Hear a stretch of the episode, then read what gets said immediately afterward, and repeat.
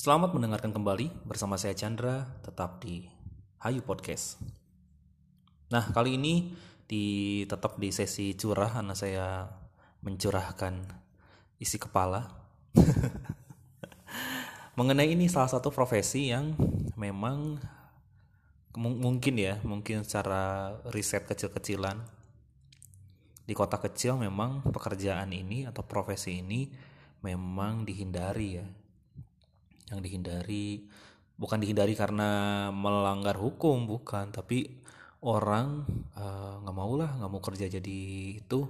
Kalaupun harus harus menjadi alternatif terakhir. Saya pun juga sama ya karena saya juga hidup di kota kecil ya beda dengan kota-kota berkembang. Padahal profesi tersebut adalah profesi yang fondasi banget uh, kunci banget inti banget kalau menurut saya tapi saya juga di awal-awal memang menghindari profesi ini sih walaupun sekarang saya bertahan atau uh, menyenangkan juga bertahun-tahun menjadi hal apa profesi itu. Enjoy enjoy aja sebetulnya ya. Tapi kita akan bedah kenapa sih harus uh, takut. Ini bukan salah satu tips and trick menjadi apa profesi tersebut ya. Ini mah hanya cerita-cerita aja. Profesi tersebut adalah seorang uh, marketing atau sales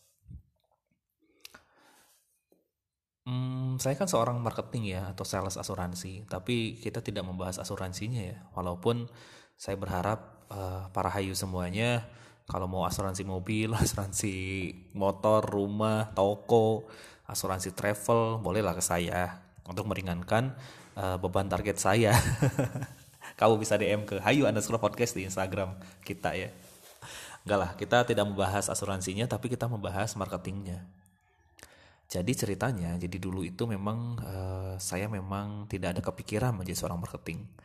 Ya, karena ini sudah dibahas di episode sebelumnya sebetulnya. Karena saya itu sebenarnya orangnya pemalu ya, pemalu. Walaupun orang-orang tuh nggak pernah percaya kalau misalkan saya orangnya pemalu.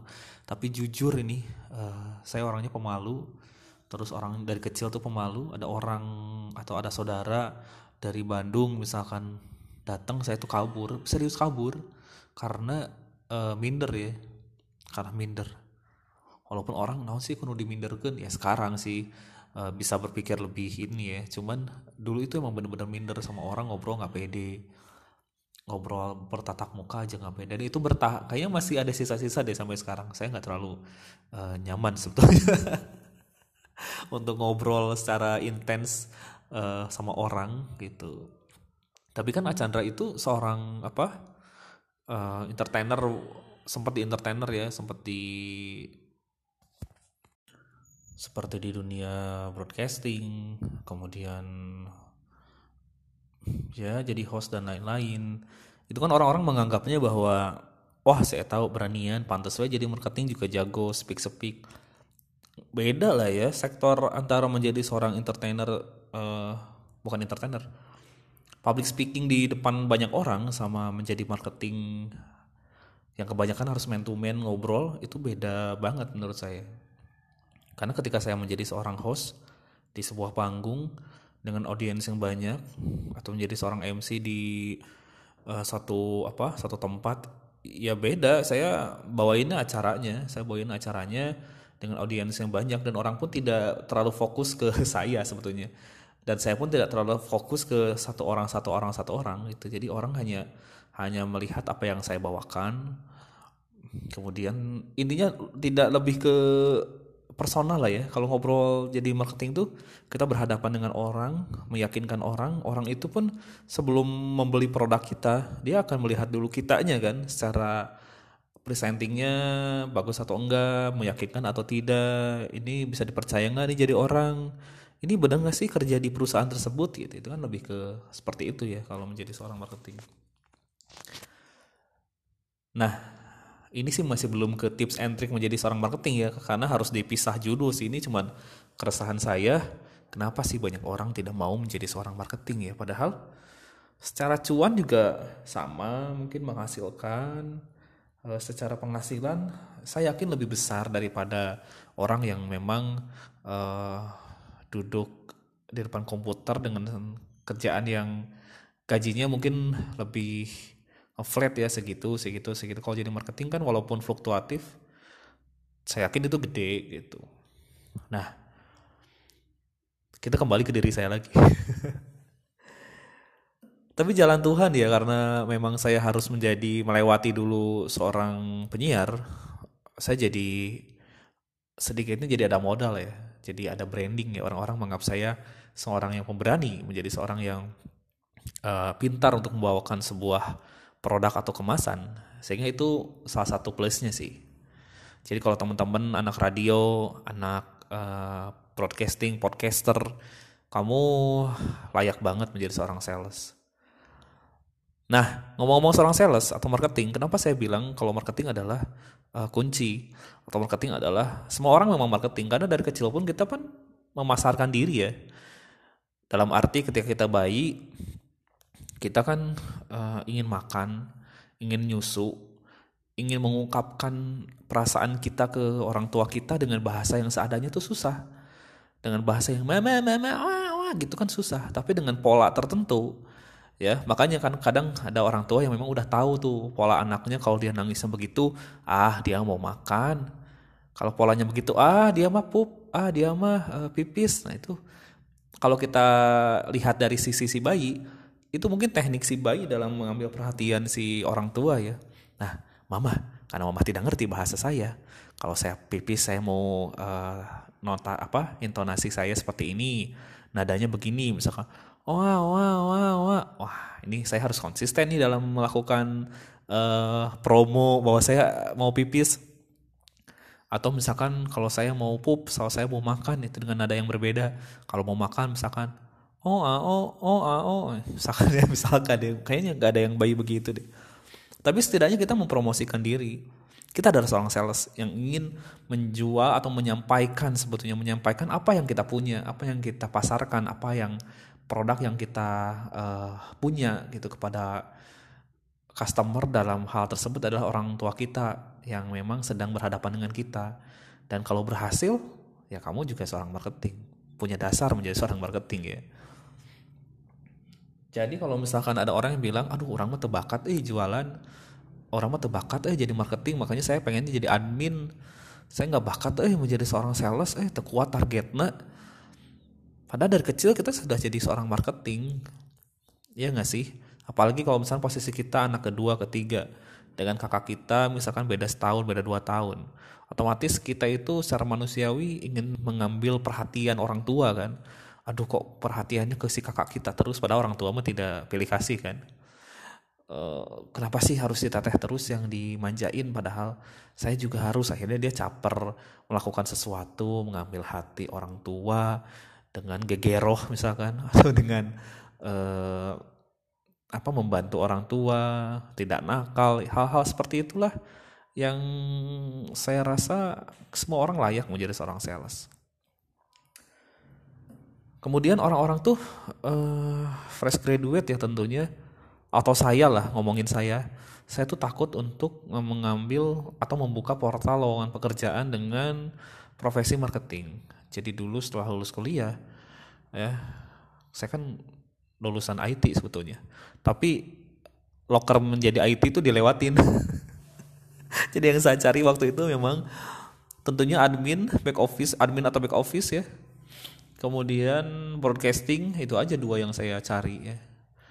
Kalau jadi marketing ah banyak tuh makanya kalau kamu ikutan job street kamu akan akrab dengan Lina Job Street Pasti itu marketing tuh banyak dengan gajinya standar misalkan 5 juta, 6 juta plus bonus misalkan.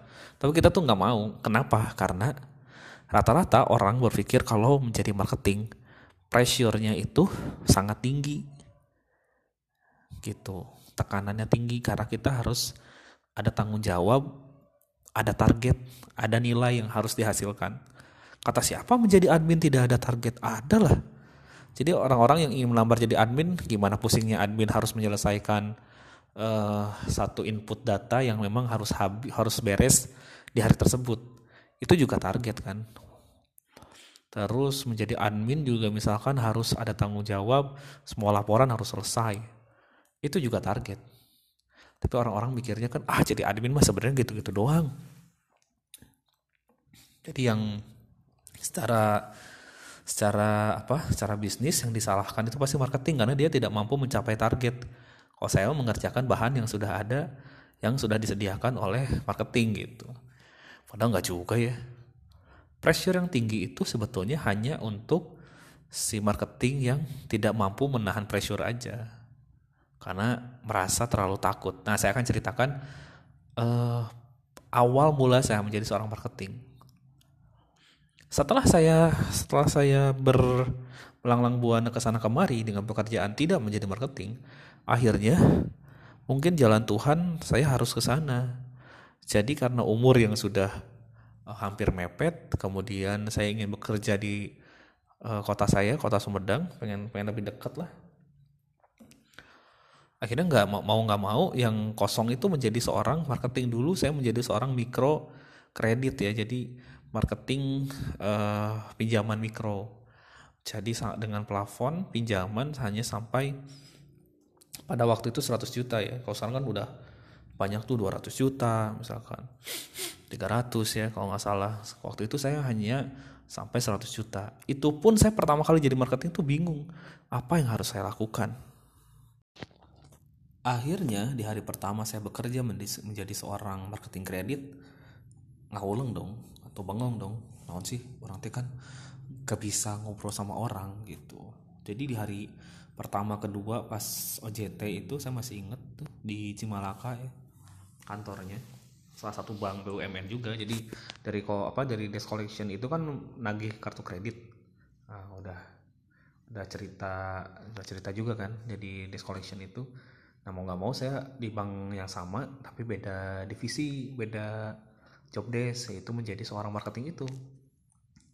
Uh, secara training sih eh, secara job desk secara job desk itu memasarkan kredit mencari nasabah yang membutuhkan pinjaman.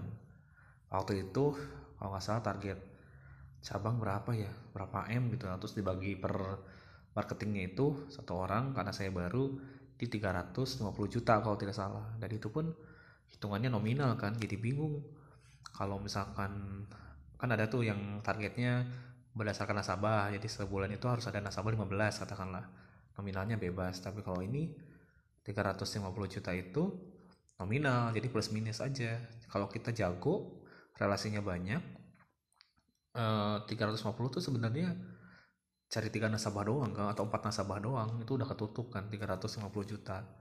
Tapi kalau misalkan kitanya awal-awal belum ada relasi belum ada uh, kenalan kenalan yang mempunyai usaha kan itu pinjaman base nya untuk uh, wira usaha kan. Susah mungkin ada yang pinjam 10 juta 20 juta 20 juta aja berarti kita harus ngumpulin sekitar berapa berarti ya?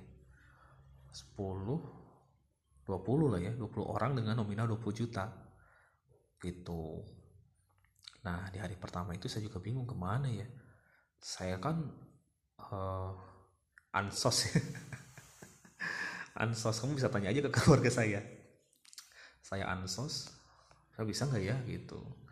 Tapi nggak mungkin juga jadi batu loncatan kan harus pindah lagi ke mana kan dengan kondisi uh, umur yang mungkin pada waktu itu sudah mepet terus uh, tuntutan pacar juga waktu itu sudah tunangan kalau nggak salah. Jadi tunangan waktu itu saya posisinya nganggur. Jadi maksudnya nganggur bukan nganggur berarti masih dalam masa perpindahan itu.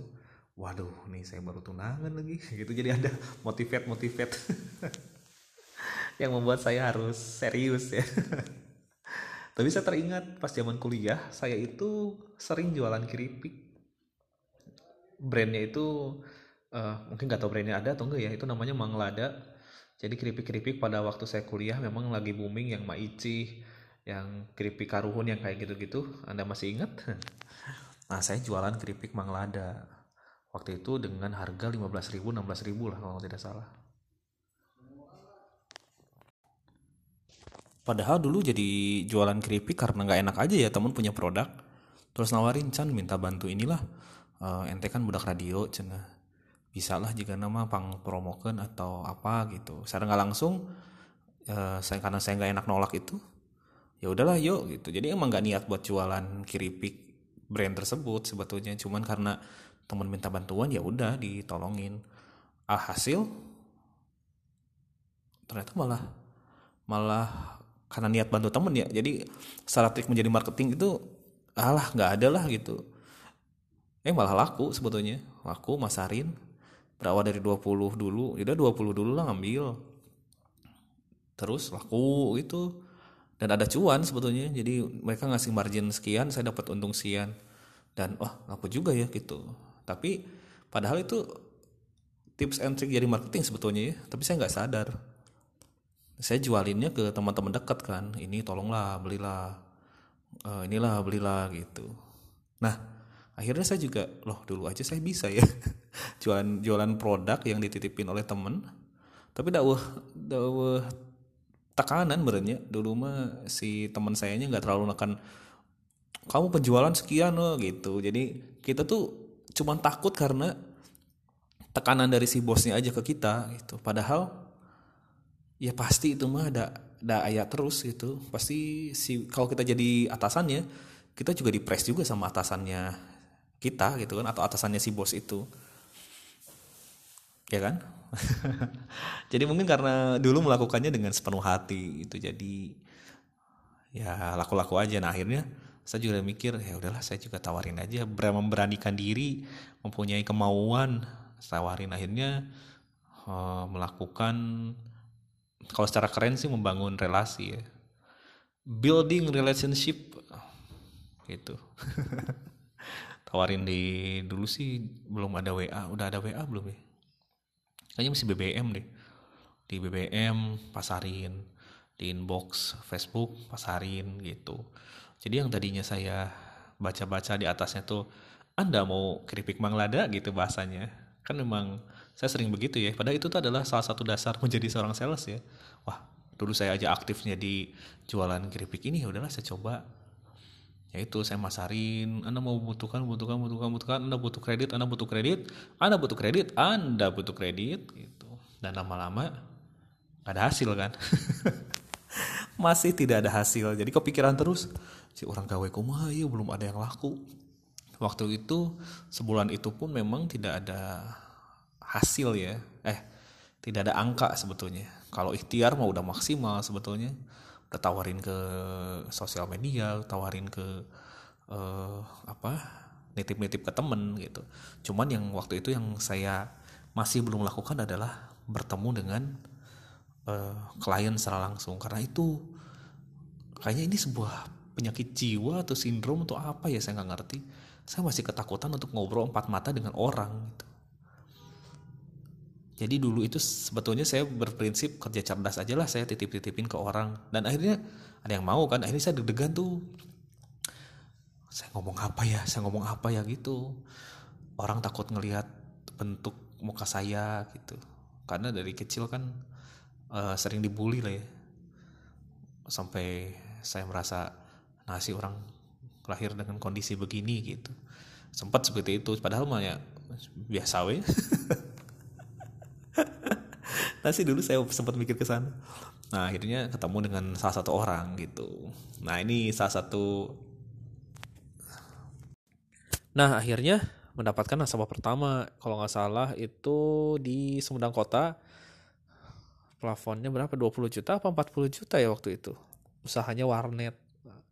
Itu tuh dapat dari mana ya? Pokoknya hasil sebar sana sini iklan sana sini yang tadinya ngerasa bingung anjir kok orang bisa tanya jadi marketing gitu. Merasa ketakutan mungkin sama seperti kalian ketika nggak mau jadi marketing tapi udah dijalanin mah Allah pasti ngasih rezeki Tuhan pasti ngasih jalan. Sama halnya ketika saya masih di desk collection itu bayangin aja kamu harus nyari nomor telepon atau nasabah yang sudah menunggak lama hilang di telan bumi dan kita harus cari di mana keberadaannya harus tagih dan dia harus bayar bayangkan. Secara logika mungkin susah ya tapi jalannya ada, triknya ada, polanya juga ada. Nah, sama halnya ketika kamu menjalani pekerjaan sebagai sales, sebagai marketing, awalnya bingung, lama-lama juga ya ada jalan mah gitu. Jadi percaya aja kalau misalnya kita sudah merasa berusaha penuh, sisanya Tuhan yang ngasih uh, kehendak lah ya. Tuhan ngasih jalan gitu. Kalau emang kamu merasa ketakutan, terlalu berfokus kepada masalahmu, akhirnya panik, ya susah buat maju. Jadi berfokus kepada jalan keluar. Duh target kenceng, orang era kudunungan, era ku barudak nggak menang uh, booking apa ya kalau bahasa ininya ya. Sudah dapat uh, produksi bisnis, sementara saya nggak ada, wah itu malah ngehambat jalan kita. Mending kita fokusnya ke itu uh, udahlah nggak usah mikir sana sini lempeng.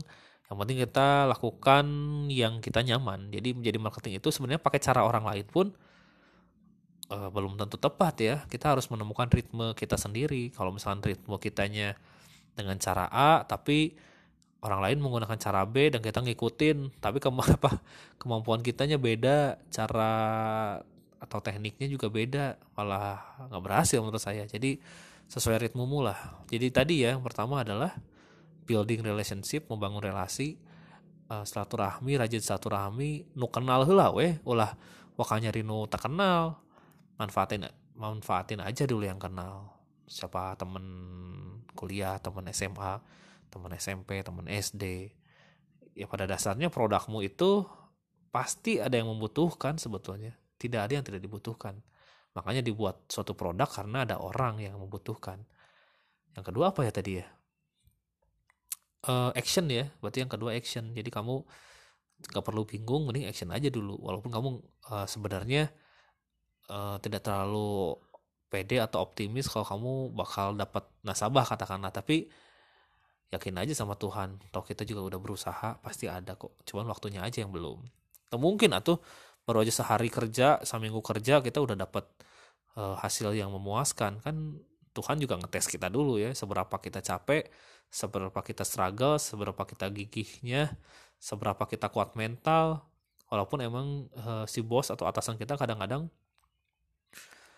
ya mereka juga ditarget sama atasannya lagi kali ya. Jadi ya wayahna ndak emang pekerjaannya seperti itu gitu toh lama-lama paku yang dipukul-pukul itu kan dipukul-pukul palu juga uh, nancep-nancep juga kan.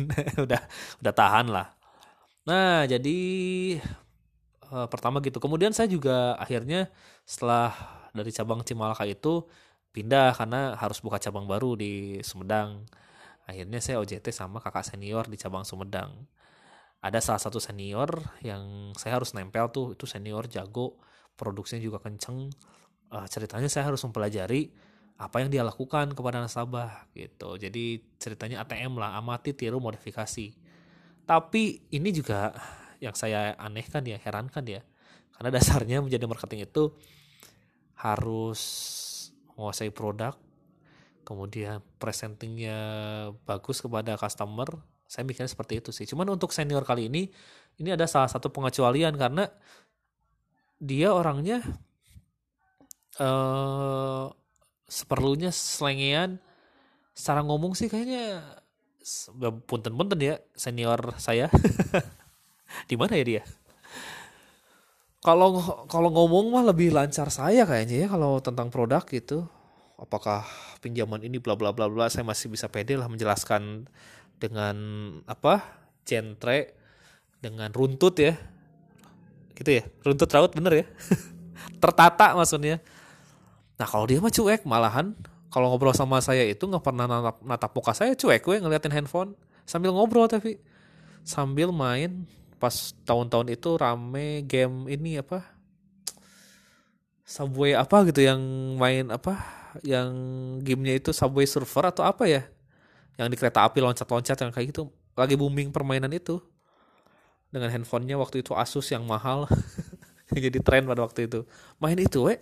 Malah di nasabah juga. Yuk Chan ikut saya ke nasabah ini kita survei. Akhirnya bareng boncengan tuh. Nah ngobrol sama nasabah juga dia cuek we. Sambil main game itu tapi ngomong. Tapi ketika ketika ditanya bisa berhubungan ya 6% per tahun gitu sambil ngeliat handphone. Tapi dealing jadi closing juga. Jadi selain product knowledge relationship uh, action itu juga kepercayaan mungkin penting ya karena karena dia sudah lama menjadi uh, sales pinjaman itu pinjaman mikro itu mungkin dari mulut ke mulut orang udah tahu kalau misalkan si Chandra misalkan dia adalah marketing asuransi. Jadi semua orang juga sudah mengenal dia gitu. Secara branding dia sudah sudah ada gitu. Jadi orang pun menaruh kepercayaan tinggi sama orang tersebut walaupun si orang tersebut si senior saya itu melayani dengan cuek-cuek. Tapi memang kalau pelayanan harus penuh hati ya karena mungkin kalau pinjaman kan orang mah butuh ya butuh kredit pengen dicairin gitu. Kalau asuransi kan memang kita harus lebih serve apa produk knowledge produk knowledge yang jelas manfaatnya jelas apa yang dijamin tidak dijamin dan kecualikan prosedur klaim misalkan dan lain-lain. Ya tergantung produknya. Cuman itu lucunya itu sih pas saya tanya ah aku mau tuh eh orang sih bisa? Nah dia ngasih ngasih wejangan juga sama. Ah pokoknya mah eh yang weh lah atau akan mikiran target. Kalau kita berfokus pada nilai target yang kita capai kita malah buntu. Guys anggapnya oh target kita mah jalani setiap hari gitu ya kalau misalkan nyaman canvassing ke warung-warung canvassing gue sambil ngopi gitu. Dia ngejawabnya juga santai ya jadi ke saya juga jadi nggak ada beban tenang we temenang mah kalem we kan sambil ngopi nambah bebaturan nambah dulur. Walaupun terjadi katakanlah kedua terjadi aina oke bisa jadi minggu harap bulan depan atau mungkin dua bulan depan atau mungkin tahun depan gitu. Jadi percayalah apa yang kita tawarkan di hari ini itu akan jadi tabungan suatu saat nanti untuk kita. Tahu-tahu Pak Chandra uh, saya mau asuransi mobil misalkan atau saya mau butuh pinjaman wah ini siapa ya? Gitu. Oh ini Pak Chandra yang dulu ketemu saya setahun yang lalu. Pak Chandra yang nawarin saya di WA setahun yang lalu katakanlah. Pasti ada. Jadi jangan sampai oh ah kumahanya orang mah teu bebenangan wae eh ah kumahanya eh orang mah jiga ah ya tiap hari teh aya we. Lah yang mikir we orang mah sabaraha tahun atau di di ono kalau misalkan orang geus bertahun-tahun saya sudah bertahun-tahun di di marketing tapi itu bebenangan kenehnya itu. Salah ini kan udah membangun relasinya ada eh, apa udah banyak lah nasabah yang sudah join. Ya pasti juga kan nasabah itu mata rantai ya pak beja-beja atau tidak dia akan cross selling dengan produk-produk lain. Atau misalkan te, te kalau di saya ya te produk A produk B te produk, produk B produk C gitu terus we. Nah kalau misalkan kita berharapnya pengen sekali jadi susah sih ya Kemudian akhirnya eh, kalau kita berfokus terlalu kepada target, menurut saya juga akan menjadi tembok yang besar, benteng yang besar, sehingga kita juga susah untuk maju sih. Nah kalau suka duka, berarti kita bahasnya duka dulu aja deh. Kalau duka mau banyak ya kayaknya. Saya tuh terhitung hampir 10 tahun berarti di, di dunia marketing ya dukanya banyak. Dibego-begoin pernah sama atasan ya waktu itu. Pernah lah karena atasannya juga lumayan lumayan frontal ya.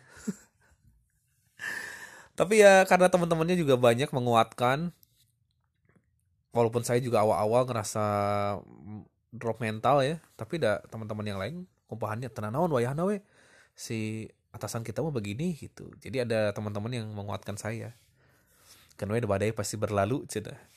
Eh hujan mah ya raatna kan we gitu. Awal-awalnya sih saya juga uh, ngerasa nggak enak ya tapi lama-lama terlalu lah itu ngerti aja ngerti-ngerti aja sih. Karena kalau kitanya chip target juga biasa aja sih makanya jadi motivasinya daripada si atasan kita rewel akhirnya itu jadi ah tayang yang yang dapat dapat dapat aman-aman aja pernah itu bego-begoin juga tuh wah Chandra gitu lah aduh deg-degan kan wah lama-lama Chandra biasa we.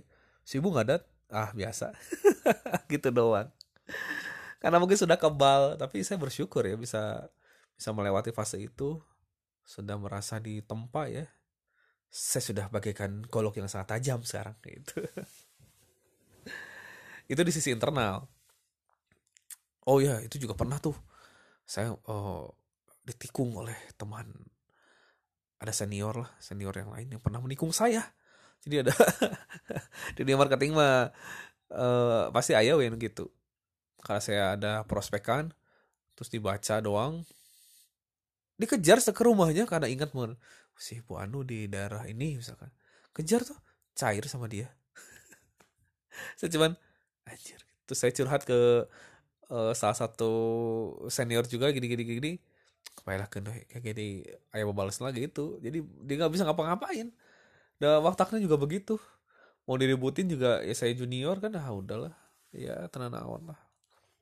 Dan akhirnya juga eh, alhamdulillahnya jadi dapat yang lebih. Itu dari internal ya. Terus dari sisi nasabah ya sering lah sering dimarah-marahin. Dikacangin juga pernah tuh saya pernah dikacangin tuh sama rekanan. Awal-awal masuk. Awal-awal masuk ke perusahaan. Kan saya tuh sekarang itu nasabahnya nggak cuma retail jadi ada perbankan ada korporasi yang lain. Di salah satu bank rekanan itu saya dicuekin aja rela deh. Bagaikan saya bagaikan kerikil di mata mereka gitu dari tanya-tanya acan saya ngobrol aja jawab seperluna sambil ngerjain mungkin harus saya peka kali ya. Nah itu dia. Harus saya peka. Tempo atau tangga sabar mana teh dia. Mungkin saya datang di akhir bulan kali waktu itu. Salah salah timing ya. Itu juga wajib kamu harus bisa baca timing berarti. Ya intinya tapi di dikacangin diapain. Tapi itu sampai ke pertemuan ke tujuh lah saya masih tetap dikacangin saya nanya juga jawab seperlunya, tapi saya tidak menyerah kan. Karena saya sudah ditempa bagikan golok yang tajam tadi. Akhirnya di pertemuan ke-8 ada obrolan, ngobrol rumah di mana, walaupun hanya sekedar Chandra rumah di mana gitu. Ini mana udah punya anak belum kayak gitu gitulah standar-standar. Tapi lama-lama akhirnya ngasih bisnis karena pasti kita itu sering bertemu dengan orang diingat atau menjadi waiting list pertama mungkin sebelumnya karena ada yang lebih sering dari saya mungkin ngasih bisnisnya dulu ke orang tersebut. Terus dia berbagi bisnis lagi mungkin ke siapa ya yang ranking duanya yang sering ke sini oh saya ternyata. Ini saya dikasih gitu. Jadi jangan jangan lelah untuk bersilaturahmi ya. Kalau kamu berhenti di kunjungan ketiga mungkin kita nggak akan dapat bisnis ya. Atau kamu berhenti di kunjungan keenam Padahal di kunjungan ke-8 kita bakal dikasih bisnis tuh sayang banget kan. Jadi walaupun kita tidak tahu kapan akan dikasih ya datang aja silaturahmi aja. Toh kita juga melaksanakan pekerjaan kita sesuai prosedur. Apalagi ya dukanya ya. Oh pernah dimarahin nasabah juga pernah. Oh gara-gara apa ya? Kau gara-gara gara-gara kalau di saya sih gara-gara klaim ya. Jadi surveyornya mungkin masih baru, masih minta bantuan saya buat ke nasabahnya. Biasanya sih surveyornya sendiri nasabahnya itu uh, mobilnya kecelakaan rusak tapi karena dia mau pakai mobilnya masih jalan sih mobilnya. Malu penyok atau malu baret terlihat putih gitu dicat malah dicatku cat cat tembok sama cat tembok dicat dulu biar nggak kelihatan cina dengan dinginnya. Padahal kan itu juga susah ya. Secara prosedur ya kalau mau klaim ya tunggu dulu tunggu dulu biar kita juga bisa foto dulu gitu maksudnya nanti kita betulkan di di bengkelnya gitu maksudnya wah itu habis tuh no no no no no no no no no no no no gitu loh panjang teranawan tapi saya sudah saya sudah ditempa bagikan golok yang tajam tadi sukanya itu lebih ke itu ya lebih ke nasabah atau apa terus dimarah-marahin tapi teranawan sukanya sukanya itu banyak ya jam kerja juga uh, jam kerja juga fleksibel jadi kita juga bisa mengatur ritmenya kita. Kita bisa uh, membaca nasabah tuh. Kalau saya sih iklan di siang hari misalkan tidak berhasil. Oh mungkin teman apa yang ada di kontak saya itu atau mungkin di relasi saya itu masih sibuk bekerja ini saya coba riset deh di malam hari. Nah, ternyata banyak juga tuh yang nanyain, Pak ini berapa preminya, Pak ini berapa uh, premi asuransinya gitu. Oh, ternyata malam hari mereka sudah pada pulang. Dan tidak sedikit juga saya harus ke rumah nasabah malam-malam tuh pernah. Pak, mau saya salsa ah baru pulang cina. Bisa dia tuh ngobrol-ngobrol sambil ngopi gitu. Jadi nggak mau nggak mau ya kalau saya bilang, Duh pak punten ini saya teh quality time ya sama keluarga. Bapak ngerti gak sih kalau saya itu jam kerja sampai jam 5 misalkan. Wah habis tuh saya. Gak bakal dapat bisnis. Teranawan. Jadi kita tukar. Jam siang untuk santai jam malam untuk bekerja ya apa bedanya kan yang penting angkanya ada gitu eh uh, sukanya itu ya jam kerja berarti anggaplah jam kerja marketing adalah 24 jam. Secara fleksibel tapi.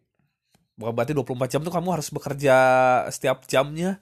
Beres-beres. Enggak maksudnya mengatur ritme sesuka hatinya kamu senyamannya kamu. Yang penting angkanya ada angkanya benar angkanya bertumbuh gitu.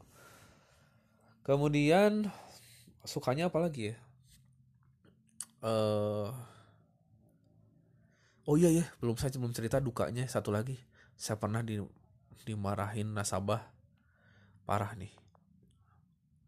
Jadi itu udah saya dapat dari istri saya nomornya. Kata istri saya e, ya ini nih prospek nih si ini nih gitu. Karena istri saya kan e, waktu itu marketing juga lah di bank swasta sebelum yang sekarang ini nih si ibu ini gitu. Ibu ini adalah pemilik toko yang besar gitu dapat penggantian tol. Kemarin juga BBM e, eh, bunda saya nanyain asuransi mobil apa yang mobil Pajero apa Fortuner? Gitu. Fortuner kalau nggak salah. Wah lumayan kan preminya gitu. Akhirnya saya eh, ngobrol-ngobrol sama senior kan gini gini gini ah mau ke nasabah dulu itu ah gitu. Nasabah mana? Gitu seniornya kepo yang ini gitu. Mereka malah ketawa-tawa kan eh naon chat ya tapi tenang naon saya tetap berangkat karena saya sudah tajam bagaikan eh saya sudah ditempa bagaikan golok yang tajam ke sana tata benar kan pas ke sana Assalamualaikum Bu. Ya, salam saha, salam Sandra Bu dari asuransi mobil. Oh, balik ka ibu, mohon, tapi ibu udah nuju bobo. Oh iya sarang sana. Habis sarang Raina, nu damel di dia oge. Saya biasa tapi ngatosan di dia lah, pami bobo kene da. Ini ada sahur nama, siang oge tos gugah biasa nama gitu. Jadi ceritanya sok matuh si ibunya apa? Matuh teh apa bahasa Indonesia nya? Konsisten istiqomah tidur jam sekian, bangun jam sekian. Jadi saya nunggu sekitar 30 menitan Renaon sabar kan mau dapat premi eh, waktu saya hitung berapa ya 8 juta apa 9 jutaan gitu loh ah, tenang lah tenang awan wah tukang amin udah berganti-ganti berapa kali tuh terus sampai saya main sama anak kecil. Oh ini dede dede gitu loh akhirnya datang tuh jeng jeng jeng gitu. Karena saya sudah tahu kan kalau dia sudah BBM istri saya mau mau ikut asuransi udah dihitungin premi juga saya udah ditipin hitungannya tuh sama istri saya. Segini ya gitu bilangin aja oke okay, gitu. Pas datang turun. Udah sah pak gitu. Waduh nadanya ini udah udah lumayan ini nih gitu. Saya masih smiling voice kan uh, ya bu saya dengan Chandra bu dari asuransi mobil. Uh, kemarin ibu sama eh saya kenal ibu dari Burita. Ibu uh, katanya mau asuransi mobil yang Fortuner ya bu gitu. Kata siapa? Gitu. Wah nadanya langsung tinggi kan. Loh loh loh loh loh loh. Yang saya pikirin bukan kenapa ini orang begini? Saya malah mikir toh istri saya sebenarnya BBM sama siapa? Aduh aduh jadi istri saya BBM sama siapa gitu. Saya mikirnya malah ke sana. Jangan-jangan malah suaminya yang pakai BBM istrinya terus uh, apa speak speak istri saya gitu. Ya akhirnya gitulah. Saya juga jadi bingung ya. Jadi ceringe ceringe kumaha gitu. Iya bu katanya mau asuransi mobil gitu sama berita enggak saya nggak pernah bilang begitu cina. Enggak enggak enggak pak enggak pak. Itu tawarin aja ke si bapaknya. Saya di pingpong tuh dua kali apa bolak balik lah. Akhirnya saya pulang we. Pas ke kantor ya bener. Senior senior saya malah uh, tersenyum simpul ngetawain kali ya. Nenek nenek gitu. Ah ternyata emang si bu mah hese gitu. Tapi ternyata naon. Jadi apa bagian dari perjalanan nggak apa-apa. Ya, itu dukanya yang yang tambahan ya. Nah tadi sukanya apa lagi ya? Sukanya bonusnya pasti gede lah. Kalau misalkan kamu jadi marketing apa pun itu kamu jualan rumah jadi marketing rumah sekali jualan rumah itu berapa tuh kamu cuan kamu jualan mobil? Nah ini nih teman-teman saya yang jadi sales mobil. Saya juga pengen interview mereka nih. Itu juga jualan mobil itu lumayan. Dapat cuannya juga gede banget tuh. Jualan motor jualan mobil. Terus menjadi nah Rudi Salim kalian tahu kan? Itu kan marketing mobil juga kan? Prestige itu prestige itu mobil-mobil mahal. Dia ownernya juga uh, nawarin. Saya pernah lihat YouTube-nya tuh emang pembawaannya kalem ya bisaan sangat meyakinkan sekali produk knowledge juga dikuasai secara look juga wah ganteng banget itu mah. Dan ada garansi sih ya jadi kalau misalnya ada apa-apa dia memberikan pelayanan lebih selain untuk closing dia juga maintenance tuh ada biaya garansi eh, pelayanannya dia ke customernya itu yang yang paling penting. Jadi kamu selain melayani juga memberikan sebuah jaminan lebih apa pun itu. Misalkan memberikan bonus memberikan pelayanan. Kalau saya mungkin dibantu untuk proses klaimnya walaupun bukan job desk saya tapi kita bantu sampai akhir sampai kalau nggak bisa dibawa ke bengkel ya ya kalau saya lagi ke arah bengkel itu ya udah saya bawain sekalian tanpa ada bu nggak usah tidak ada biaya pengantaran mobil kok bu. Saya aja yang bawa itu kan sebuah nilai plus juga kan nasabah juga jadi secara nggak langsung termaintenance. Tahun depan lah perpanjang lagi ke Pak Chandra karena eh, baik hati udah bisa bawain mobil udah saya nggak jadi repot gitu. Semacam gitulah. Menyenangkan bukan? Menjadi seorang marketing. Nah teman-teman juga sekarang kuncinya adalah kesimpulannya adalah menjadi seorang marketing gak, bukan hal yang menakutkan bukan hal yang sangat membuat kalian tertekan. Aduh orang menjadi marketing itu bisa. Nah, nah stop memikirkan targetnya lakukan action apa yang sudah diajarkan perusahaan kamu itu aja terus setiap hari toh yang namanya target pasti akan tertutup sendiri sebetulnya. Saya juga muji tuh istri saya, marketingnya mungkin lebih jago dari saya karena dia menjual produk yang menurut saya itu susah. Tapi ya dia lumayan gede tuh pencapaiannya. Beberapa kali paling tinggi di antara teman-temannya. Mungkin saya harus berguru pada dia kali ya. Nanti ajak-ajak eh, apa? Nanti saya ajak dia berpodcast lah. Tips and triknya seperti apa mungkin dia lebih tahu. Nah gitu, kalau misalnya teman-teman ingin berkonsultasi, bukan konsultasi ya, ngobrol-ngobrol mengenai tentang dunia marketing, uh, boleh aja kalian langsung DM Instagram kita di hayu underscore podcast, DM aja ke sana. Banyak kok ya di Sumedang ya, kalau misalnya teman-teman mau jadi marketing, kan di dunia, eh di, kota lain kan teman-teman akan ngekos, akan ekstra harus mencari relasi ya. Kalau di Sumedang kan teman-teman banyak tuh teman SMP teman SMA nah di sini nggak apa-apa kalian bisa jadi sales mobil tuh banyak banget dealer di kota Sumedang dealer motor dealer mobil.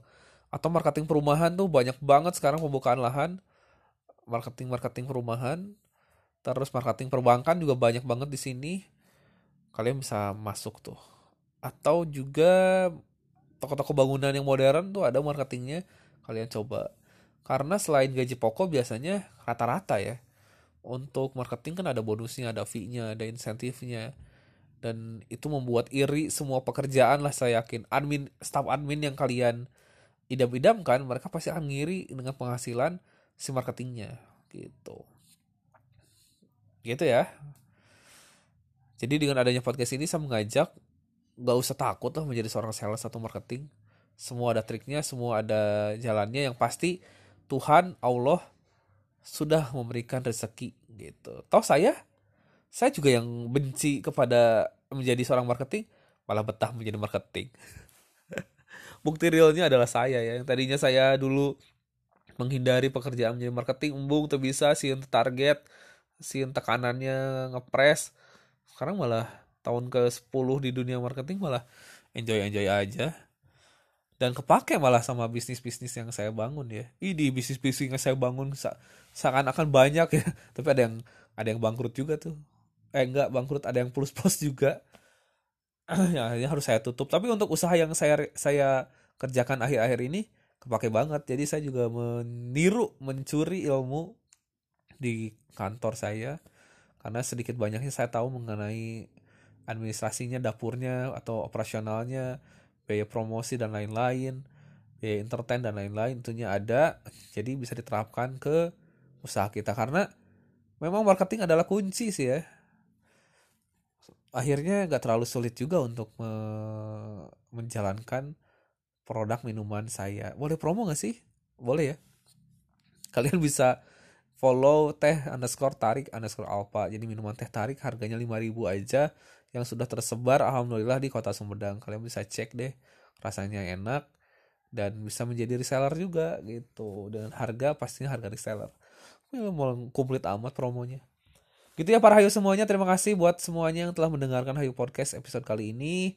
Uh, mudah-mudahan teman-teman yang memang galau mencari pekerjaan dan uh, memilih nganggur daripada menjadi seorang marketing sekarang sudah bisa mengubah mindsetnya kalau masih bingung menjadi seorang sales bisa DM aja ke Hayu Podcast nanti saya nggak bisa jawab saya bisa share ke teman-teman marketing yang saya kenal yang pastinya lebih jago dari saya nanti kita akan diskusi sama-sama gitu. Thank you banget. Kita bakal ketemu lagi di episode selanjutnya tetap di Hayu Podcast bersama saya Chandra. Terima kasih. Wassalamualaikum warahmatullahi wabarakatuh. Dadah. Bye bye.